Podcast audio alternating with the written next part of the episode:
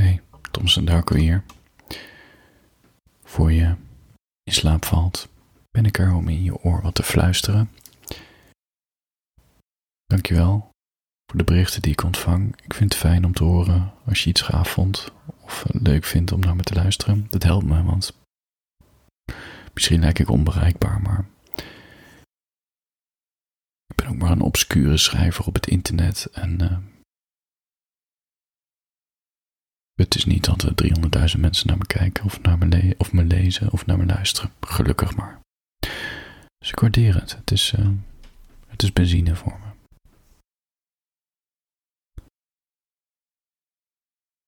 Voor je gaat slapen, wil ik je graag een verhaaltje voorlezen. Het heet, ik heb hem ergens in december van vorig jaar geschreven. Volgens mij ook in mijn woensdagmail toen gedeeld. Um, elke woensdagavond stuur ik een mailtje over gevoelens waar niemand over praat. Voor niets. Thomsondarko.nl Laat je mailadres achter en je ontvangt het ook. Als je nog niet op de lijst staat. Dit verhaaltje die heet, ik ga het voorlezen. Het heet Alle wegen leiden naar haar kut.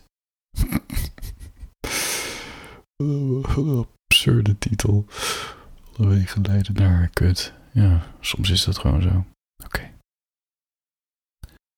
Wat is het toch dat zelfs de beschaafde mannen hondsdol worden als zij de ruimte betreedt? Welke pheromonen verspreidt zij daar tussen haar benen? Ze is niet per se esthetisch heel mooi, niet per se heel uitdagend gekleed. Ze komt zelfs wat timide en verlegen over, maar toch leiden alle wegen naar haar kut. Ik ken vrouwen die in een tijdelijke sletperiode zaten. Het was niet per se elke donderdagnacht zichtbaar op de dansvloer. Ook stopte het vrij snel toen ze iemand vonden die wel wilde blijven. Ik ken mannen die vrouwenslipjes verzamelen zoals ik mijn hagel hagelslagkorrels op mijn boterhambordje met een natte vinger verzamel. Beetje drukken zo. Ik vraag me af of deze mannen überhaupt wel beseffen dat ze verdwaald zijn. Maar zij, zij heeft geen dating-app nodig. Ze heeft niet eens een smartphone, slechts zo'n ding waar je alleen maar mee kan bellen en sms'en. En toch leiden alle wegen naar haar kut. Zo'n kans die blijkbaar geen enkele man wil missen als zij terug begint te kijken op de dansvloer. Ze voelen zich allemaal een beetje vies. Na de climax is de lust weg en slechts de kilheid van het bestaan te zien. De paar ogen die onder de lakens terugkijken en geen idee hebben wie die persoon is. De straf van iets doen wat niet hoort. Staren naar de afgrond voelen we pas echt onze doodsangst. Dan voelen we pas echt dat ons hart klopt, omdat we daar staan en niet binnen enkele seconden beneden liggen, zo plat als appelmoes naar bed gaan met iemand is iets speciaals. Je doet dat niet met Jan Alleman, zei mama vroeger aan de keukentafel. Maar wie legt deze oudjes uit dat we, als je het ene zegt, juist nieuwsgierig wordt, dat we juist nieuwsgierig worden naar het andere? Het is tegenwoordig als een bestelling bij de Chinees. Wacht het in de te smalle gang onder een TL-lamp met de achterbuurman tegenover je, een niet stil te krijgen kind naast je en een man in een te wijde spijkerbroek en een veel te warme trui voor de tijd van het jaar leunen tegen de muur. Alle wegen leiden naar haar kut. Ik vind van mezelf dat ik haar niet mag veroordelen. Toch doe ik het. Ik weet dat ik een hypocriet ben, want hoewel niet alle wegen naar mijn kut leiden, heb ik vaak genoeg betekenisloze seks met mensen die niet goed voor me zijn. Het is niet eens per se heel lekker. En toch blijf ik het doen. Ze appen met de zin. Wat ben jij aan het doen vanavond? Verzin ik woorden in mijn hoofd die jij ook binnen een halve seconde kan oplepelen. Maar waarom? Omdat zij het zo makkelijk krijgt? Omdat zij haar verlangen niet verbergt? Omdat we zo lang dachten dat maagdelijkheid je echt begeerlijk maakt voor die jonkheren in het kasteel en de monsters in het bos? Er zijn vele manieren om de alledaagsheid van het bestaan op te heffen. Creëren graag een kunstmatig paradijs. Zij doet het op deze manier, ik op een andere. Dus waarom denk ik dan zo? Ik zag haar laatst bij een bijeenkomst op de universiteit. Ze zat links voor, ik zes rijen achter haar. In de pauze sprak ik haar aan. Dat had ik dus beter niet kunnen doen. Want al die termen die ik voor haar verzonnen had, klonken niet heel eerlijk meer. Ze was zachtaardig. Ze luisterde echt, had verstand van onderwerpen als de gotische romantiek en Edgar Allan Poe's gedichten. Ze had een veel te intrigerende persoonlijkheid. Nu kon ik het allemaal niet meer rijmen met elkaar. Als je zo bent, waarom leiden dan toch alle wegen naar haar kut? Ze legde een hand op mijn blote schouder en zei: Ja, het is echt zacht. En ze legde haar wang tegen mijn schouders aan. En toen werd ik bevangen door een raar gevoel van tederheid en een gevoel van verbondenheid. Oh shit. Ik wist niet dat ik zo verlangde naar een ander. Daarna glimlachte ze naar me en zei: Leuk je gesproken te hebben. En ze liep terug naar haar plek. De bijeenkomst ging verder waar die gebleven was. En nu vinger ik me s'avonds klaar in bed, denkend aan haar wang op mijn schouder. Wat doet zij met mij? Met mensen? Wat is haar geheim? De onbereikbare vrouw die zo snel bereikbaar wordt. Hoe zou het voelen als ik toegeef aan mijn lusten, als ik nog één keer haar aandacht probeer te vangen? Wat gebeurt er met dit gevoel als we samen ergens elkaars naakte lichaam voelen?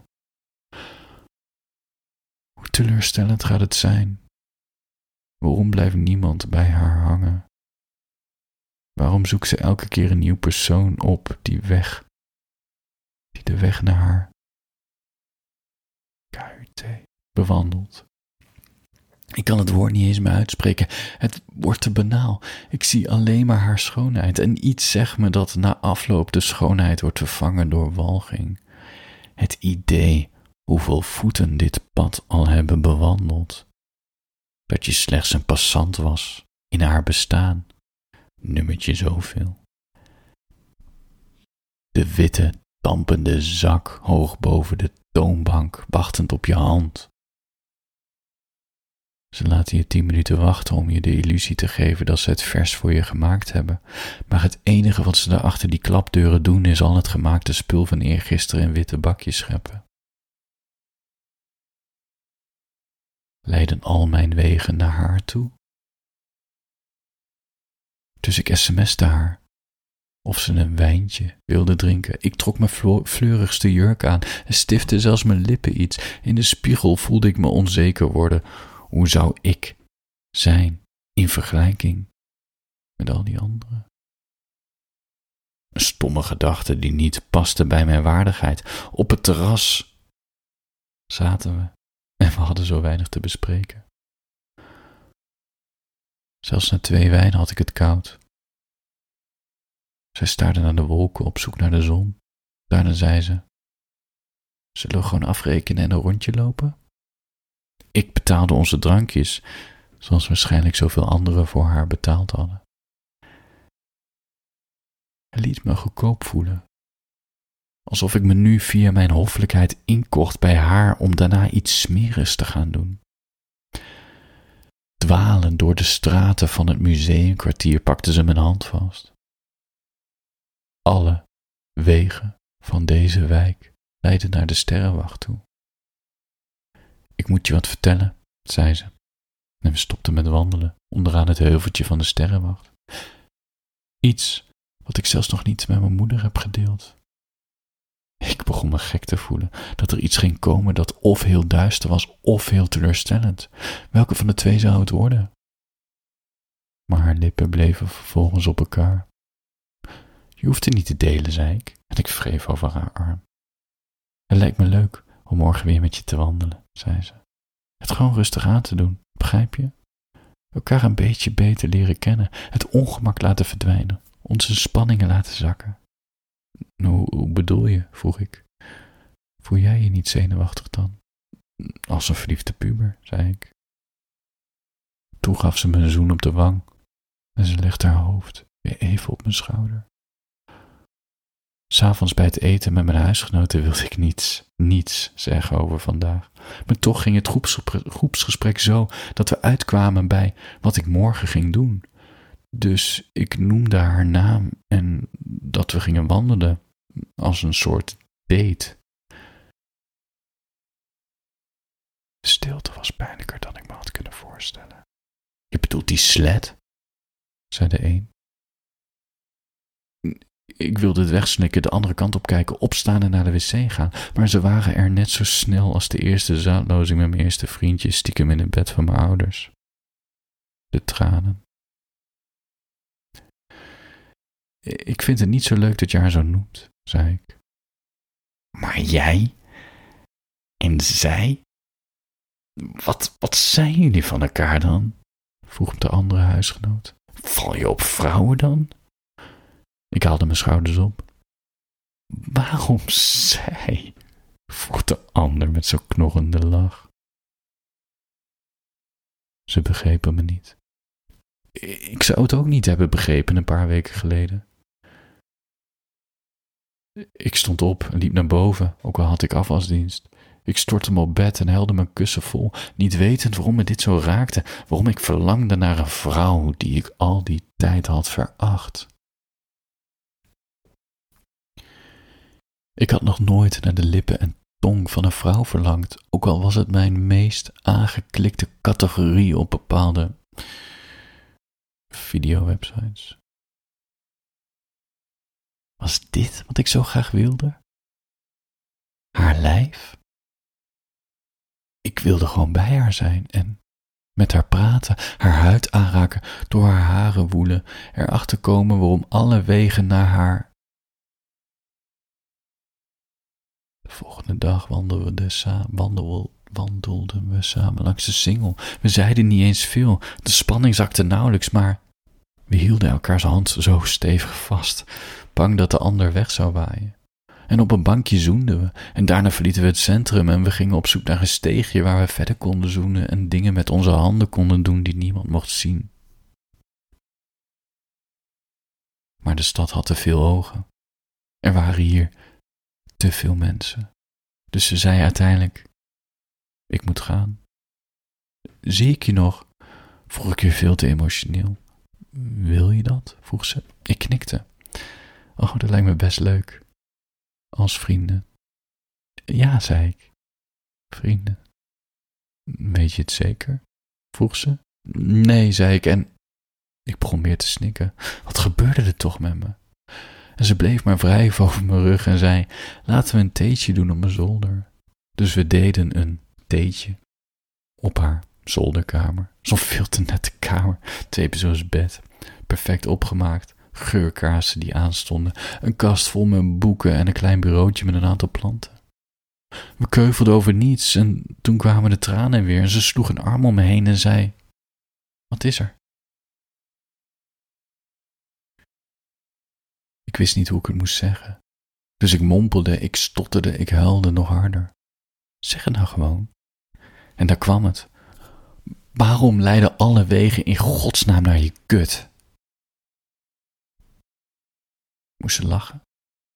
Was ze beledigd? Bedroefd? Teleurgesteld? Ze liet me los en ging op haar bed zitten, leunde naar achteren met haar kleine borsten wat naar voren. Ze moesten ze weten hoe erotisch dit was. Maar haar blik was te serieus daarvoor. Zonder me aan te kijken zei ze: Omdat seks makkelijk is. Voor al het andere ren ik weg. Zou je seks met mij willen dan? vroeg ik. Ik vrees dat ik iets bij je vind waar ik altijd voor weg ben gerend, zei ze. En jij? Toen zei ik: Ik dacht dat ik het wist, dat ik wist wie ik was, op wie ik val, wat ik van het leven verlang, maar nu weet ik het allemaal niet meer zo goed. Ze knikte. Daarom, laten we de tijd nemen, als vrienden. En ik zei, dat, dat voelt zo uitzichtloos. En toen zei zij, ik denk niet dat het leuker wordt als we met elkaar gaan slapen. Maar misschien wordt het wel leuk, vroeg ik. Oh, vast wel. Maar ik ben niet per se heel leuk. Maar je wil niet weten hoe leuk je bent, zei ik. En ik schrok van mijn eigen verliefdheid. Toen zei ze: Ik bedoel meer dat ik geen leuk persoon word. Ik wil het de wereld besparen. Ik kan je het, ik kan je het ene moment de hemel in prijzen en het andere moment je volledig uitschelden. Het is gewoon. Het triggert te veel. Intimiteit. Ik weet niet of ik er klaar voor ben, of jij de persoon bent met wie ik dat aandurf te gaan met al mijn gebreken. If not now, when? Ik wees naar haar poster op de muur van een soldaat die werd neergeschoten. Oh, van mijn vorige huisgenoot, zei ze. Toen zwegen we een lange tijd. Ik wilde een hoop zeggen, maar mijn rationaliteit blokkeerde het. Zij zette zwijgen nog een mok thee. Laat het gewoon zijn wat het nu is. Zoete herinneringen aan dat wat nooit heeft plaatsgevonden, knikte ze. Oké, zei ik. Maar ik voelde me precies als toen ik mijn eerste vriendje zag zoenen met een klasgenoot om een schoolvijf in de aula. Ik dronk de thee op en we gaven elkaar knuffels zoals beste vriendinnen elkaar knuffelden. Op straat bleven de tranen uit, alsof mijn lijf al vrede had gesloten met deze nieuwe teleurstelling in het leven. Thuis voelde ik me zo moe, maar verre van verward, eerder berust. Wat voor geheim wilde ze eigenlijk met me delen daar bij de sterrenwacht, dat niet alle wegen leiden naar haar kut? In ieder geval niet mijn weg? Hm. Misschien wel. Misschien wel.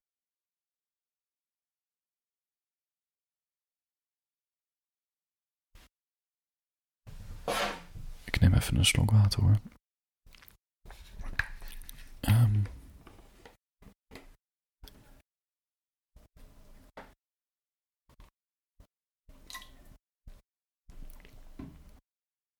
Voor je gaat slapen. Ik weet niet of al jouw wegen naar kut leiden, maar. Laat me weten wat je van dit verhaaltje vond. Dan kan ik uh, misschien vaker af en toe eens een verhaaltje voorlezen die ik heb geschreven. Laat me zeggen, een, een, een langer verhaal van. Ik weet niet hoe lang ik nu al aan het praten ben. 20 minuten of zo. Voor je gaat slapen. Als je nog iemand wel rusten wil wensen als je nog niet slaapt. Als je nog iemand wilt rusten wil wensen, of jezelf, app of mail me, dan noem ik je een volgende keer.